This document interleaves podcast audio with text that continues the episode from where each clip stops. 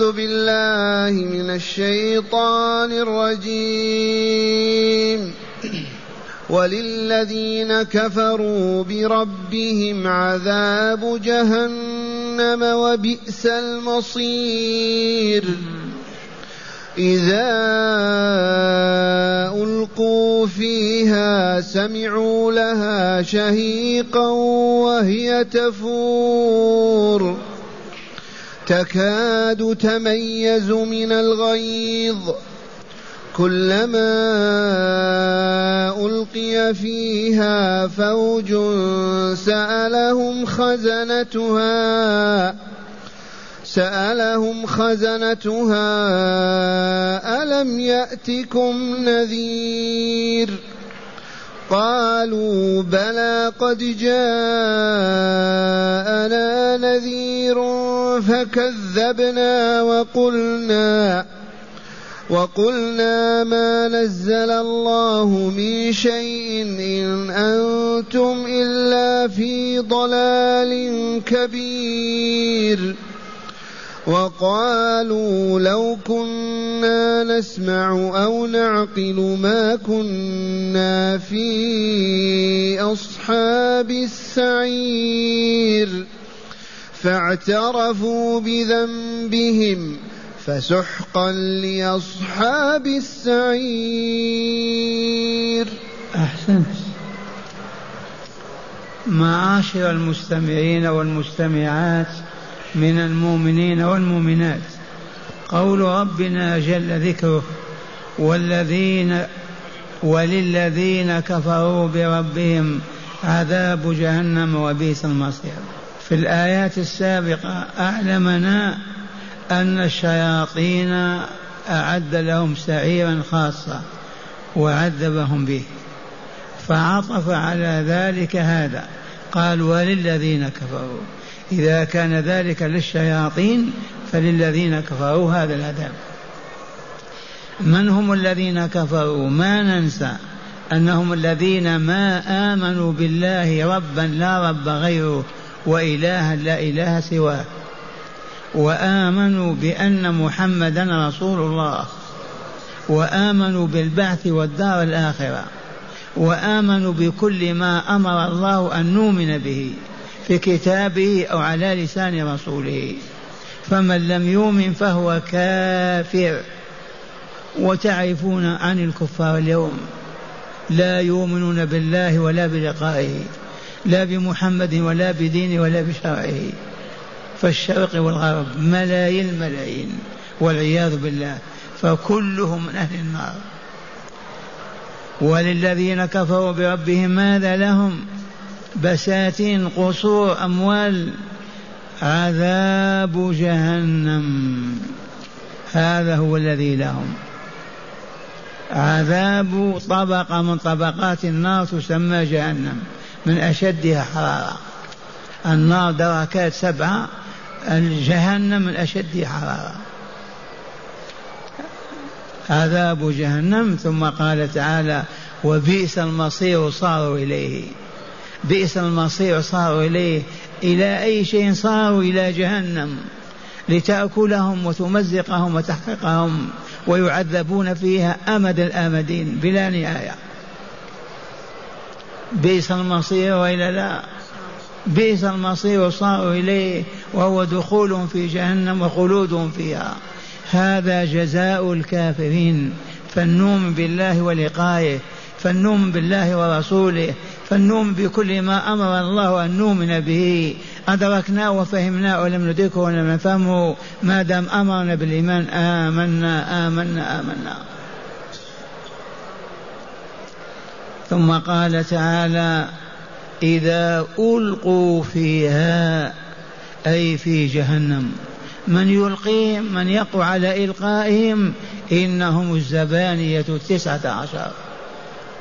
الزبانية التسعة عشر. الخزنة يسمون بالخزنة وبالزبانية. إذا ألقوا فيها ألقاهم الزبانية سمعوا لها شهيق وهي تفور تكاد تتميز من الغيظ.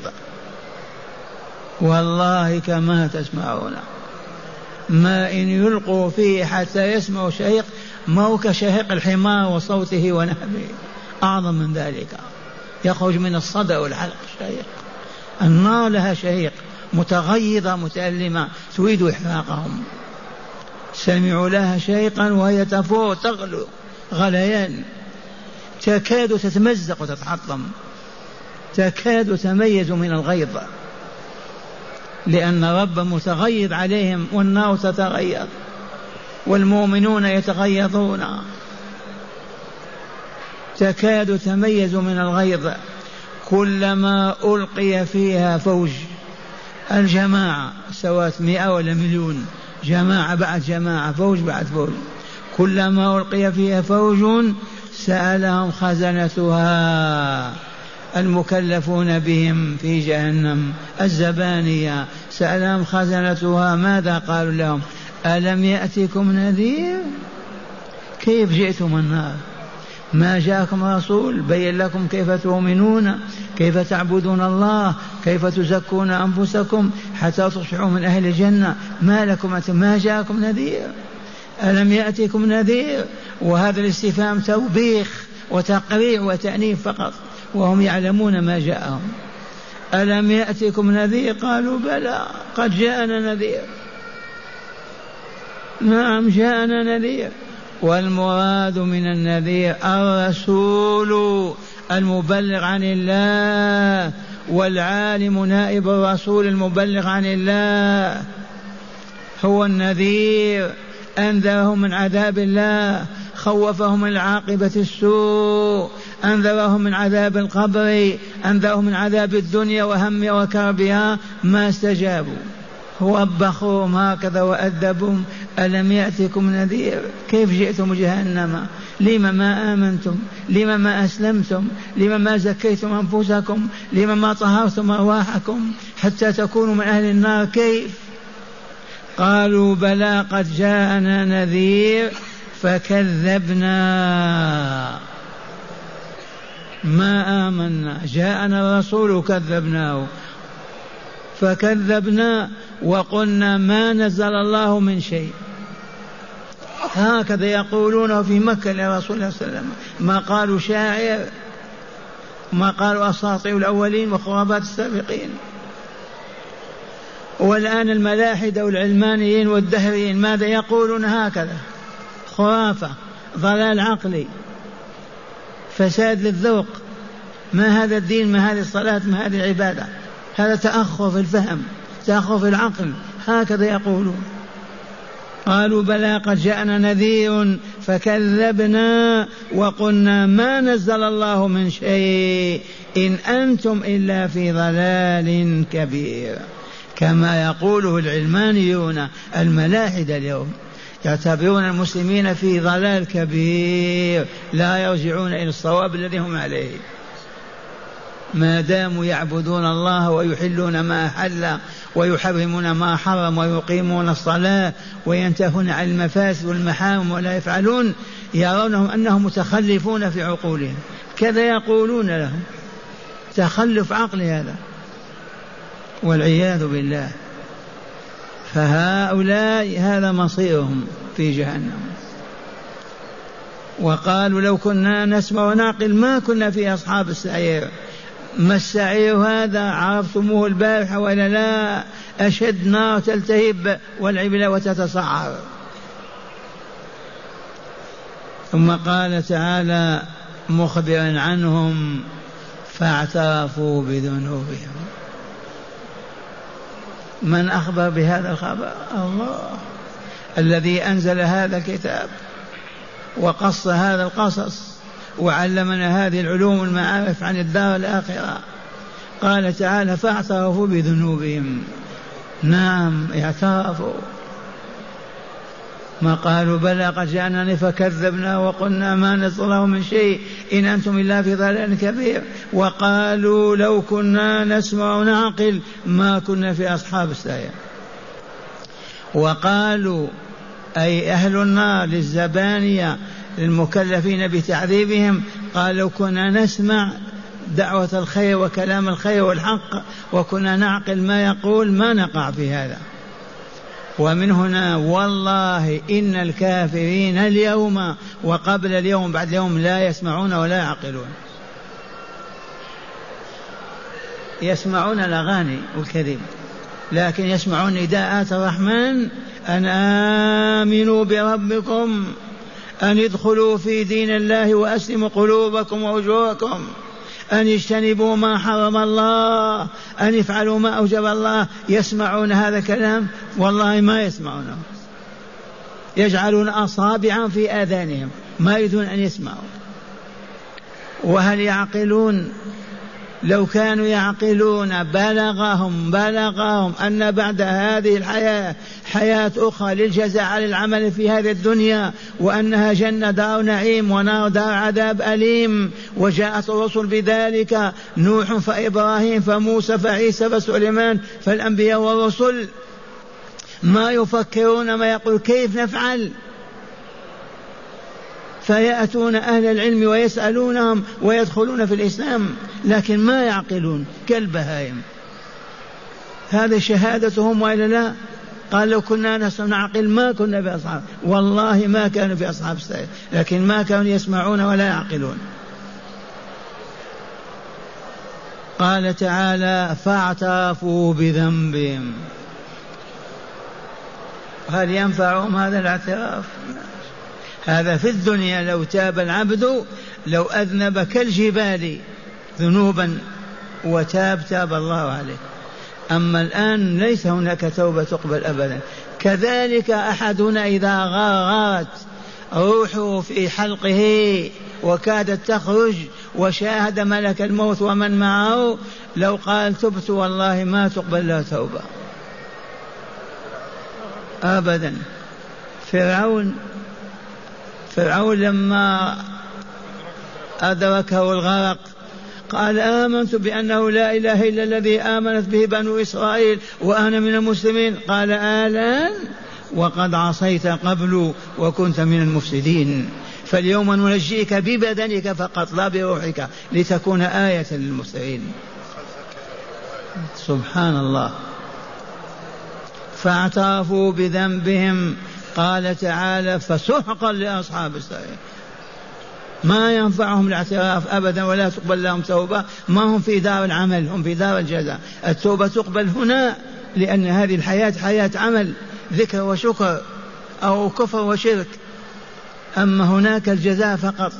فقال تعالى فسحقا أي بعدا بعدا بعدا لأصحاب السعير. ألا وهو عذاب جهنم. الملتهب والعياذ بالله. أعاذنا الله وإياكم منه ومن كل مؤمن ومؤمنة ومع هداية الآيات. بسم الله والحمد لله والصلاة والسلام على خير خلق الله سيدنا ونبينا محمد وعلى آله وصحبه. من هداية هذه الآيات أولا تقرير عقيدة البعث والجزاء ببيان ما يجري فيها من عذاب وعقاب. من هداية هذه الآيات التي تدارسناها تقرير عقيدة البعث والجزاء يوم القيامة. بذكر ما يقع فيها ما سمعنا كنا معهم يتكلمون ويسألون. تقرير عقيدة البعث والجزاء. فالذي لا يؤمن بالدار الآخرة وما يتم فيها من جزاء على الكسب في الدنيا فهو كافر كافر كافر. ولو صلى وصام. ولو قال آمنت بكل الرسل إلا أنني ما نؤمن بأن حياة توجد حياة أخرى فهو كافر كافر من أهل جهنم. نعم. ثانيا. وقد بينت غير ما مر. إذا هذه العقيدة تمكنت من النفس وأصبحت يقينا صاحبها ما يستطيع أن يعصي الله. ما يقوى ما يقدر على أن يفجر أو يشرك. وإذا ضعف هذا المعتقد أو انعدم يفعل ما شاء. نعم. ثانيا بيان أن تكذيب الرسل كفر موجب للعذاب وتكذيب العلماء كتكذيب الرسل بعدهم أي في وجوب العذاب المترتب على ترك طاعة الله ورسوله. من هداية الآيات وجوب الإيمان بالرسل واتباعهم والإيمان بما جاءوا به والعلماء من بعدهم مثلهم لأنهم خلفاؤهم. يجب القبول عنهم واتباعهم والهداية بهدايتهم. نعم.